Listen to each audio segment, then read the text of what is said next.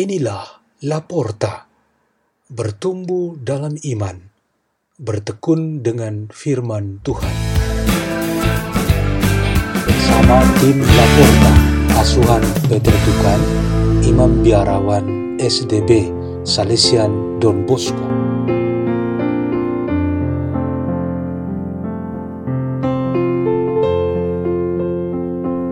Bacaan-bacaan dan renungan Sabda Tuhan hari Minggu biasa ke-15, 12 Juli 2020.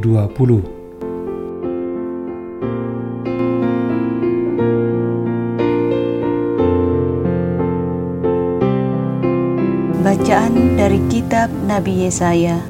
Beginilah firman Tuhan, seperti hujan dan salju turun dari langit dan tidak kembali ke sana, melainkan mengairi bumi, membuatnya subur, dan menumbuhkan tumbuh-tumbuhan, memberikan benih kepada penabur, dan roti kepada orang yang mau makan.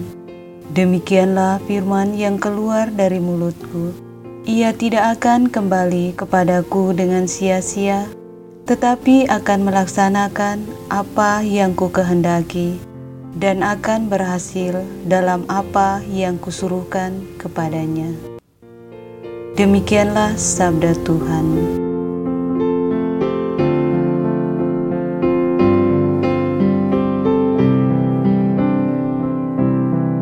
Bacaan dari surat Rasul Paulus kepada jemaat di Roma.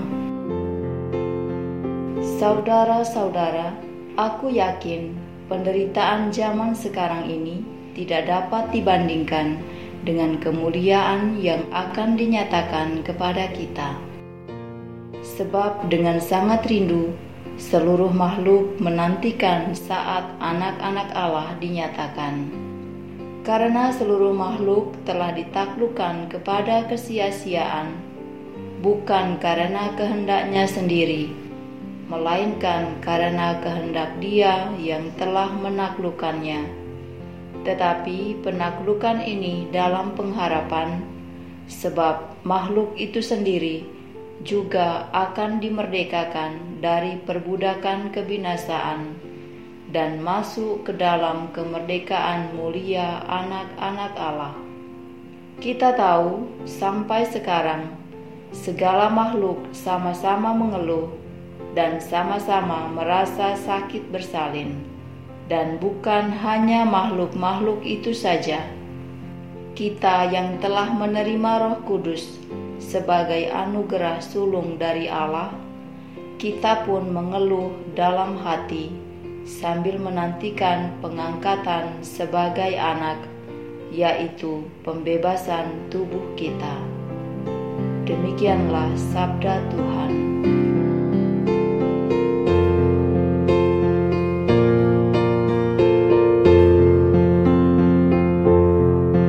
Inilah Injil Tuhan kita Yesus Kristus menurut Matius bab 13 ayat 1 sampai 9. Pada suatu hari Yesus keluar dari rumah dan duduk di tepi danau.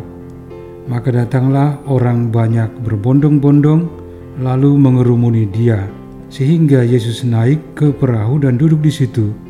Sedangkan orang banyak semuanya berdiri di pantai. Yesus mengajarkan banyak hal kepada mereka dan memakai perumpamaan-perumpamaan.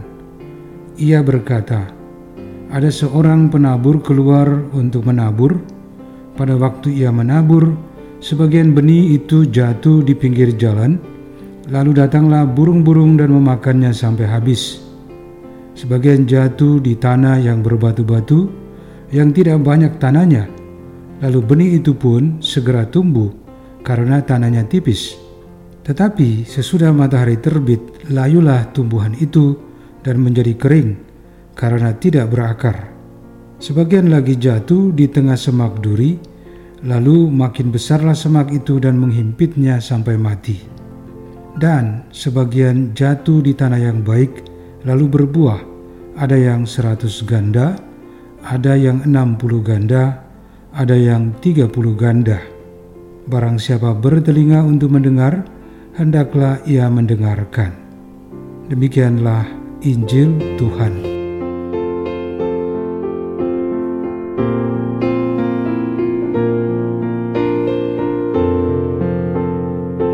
Tema renungan kita pada hari Minggu biasa ke-15 ini ialah Jangan sampai hidup ini sia-sia. Ada suatu kejadian yang cukup mengagetkan di sebuah wilayah pemukiman kota. Para suami mulai terbiasa berkumpul sampai tengah malam dari satu rumah ke rumah yang lain. Biasanya mereka minum minuman beralkohol, berjudi, dan menghabiskan waktu di situ. Hal ini membuat para istri di rumahnya masing-masing semakin gelisah dan marah. Para istri berkumpul dan ingin melakukan sebuah gerakan protes. Mereka mendapat restu dari semua warga di situ dan bersama-sama pergi ke tempat suami-suami mereka berkumpul. Mereka membawa spanduk dengan tulisan besar, "Jangan membuat hidup keluarga sia-sia." Mereka juga berteriak bersama-sama, Suamiku kembali ke rumah. Jangan membuat hidup keluarga sia-sia. Atas desakan para istri tersebut, pihak pemerintah setempat dengan paksa membubarkan aktivitas tersebut dan dilarang untuk terulang kembali. Tuhan tidak pernah merencanakan kehidupan kita yang sia-sia. Kitalah yang selalu membuatnya sia-sia. Kelemahan kita sebagai manusia yang ditambah dengan pengaruh-pengaruh buruk di dunia selalu menjadi ancaman tanpa henti yang membuat hidup kita pribadi atau bersama tidak berguna dan tidak bermakna. Itu berarti kita menyerah untuk dikuasai kelemahan kita sendiri dan pengaruh-pengaruh jahat dari luar diri kita. Kita dapat menyebutkan sifat-sifat manusiawi seperti malas, malu, bosan, menyerah, dan kurang percaya diri sangat memberi kontribusi besar bagi kehidupan yang sia-sia. Jika seseorang sampai pada saat ajalnya hanya dikenal oleh orang-orang sekitar sebagai pemalas, pengacau, penjahat, dan beban bagi banyak orang lain, ini merupakan sebuah kehidupan yang sia-sia. Jika seseorang yang sampai mati tidak dapat menyelesaikan masalah-masalah yang menyiksa dirinya jasmani dan rohani, berarti ia memang mengalami kesia-siaan dalam hidupnya. Bacaan-bacaan suci pada hari ini memberikan kita satu nasihat penting, yaitu agar jangan sampai hidup kita menjadi sia-sia hanya karena sikap hidup kita yang kurang teratur atau tidak disiplin. Tuhan menghendaki supaya kita disiplin dalam menghayati iman kita yaitu kita tidak boleh memandang remeh atau santai dengan ajaran-ajaran dan perintah-perintahnya. Kita harus memandangnya begitu penting dan kita menjalaninya dengan serius.